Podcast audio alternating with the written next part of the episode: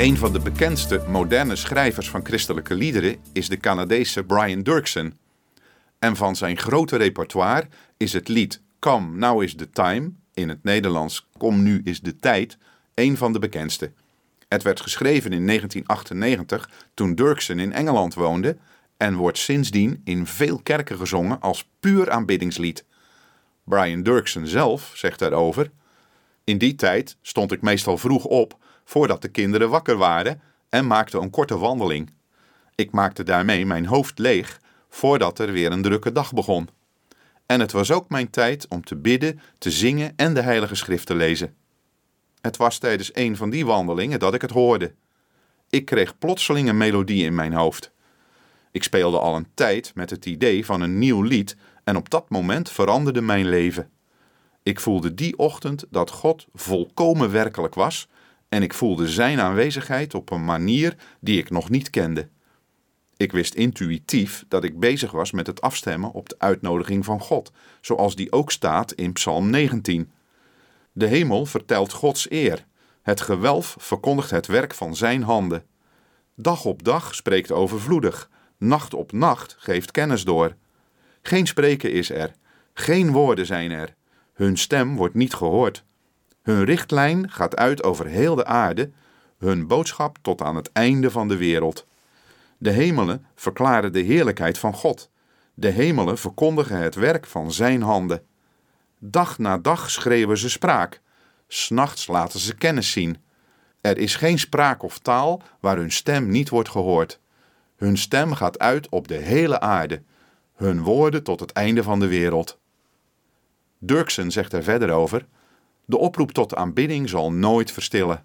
Het geluid weer klinkt in elke taal en cultuur, en ik hoorde er maar een klein deel van op die septembermorgen in 1998. Het is verbazingwekkend hoe een klein fragment van Gods inspiratie in je kan doorwerken. Zodra ik de melodie kreeg, bleef ik hem alsmaar zingen om hem niet te verliezen.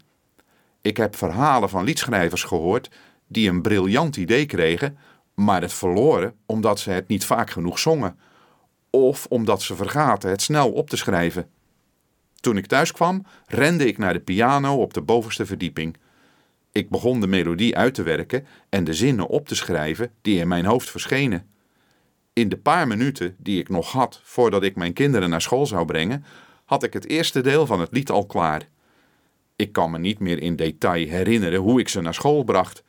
Normaal gesproken zing ik allerlei gekke liedjes voor ze die zomaar in mijn hoofd opkomen. Maar die morgen was het anders. Er was alleen maar de herhaling van dat door God geïnspireerde nieuwe lied. Bijzonder is dat Brian Dirksen het lied Come Now Is The Time schreef tijdens een fase in zijn leven waarin hij ernstig twijfelde over zijn bediening in de kerk en over zijn persoonlijke leven. Hij zegt daar zelf over dat God door zijn openbaring in het lied zijn leven een nieuwe koers gaf. Hij werd er als eerste door bemoedigd. De timing van God had niet beter kunnen zijn. Nog voordat het lied van Brian Dirksen op CD verscheen, werd het al verspreid. Na de eerste keer dat het gezongen werd in de kerk in Londen, waar Dirksen lid van was, werd de bladmuziek meegenomen naar Zuid-Afrika en daar gezongen. Nadat het op CD verscheen, kreeg het al heel snel wereldwijde bekendheid. Luistert u naar een uitvoering van Kom nu is de tijd door een combo van de Vrije Baptistengemeente in Emmen. Kom, nu is de tijd aanbidden.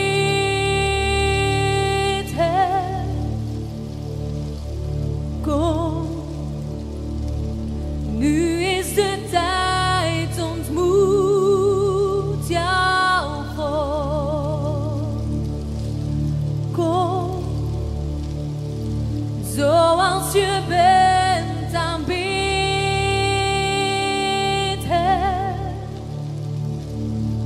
Kom, zoals je bent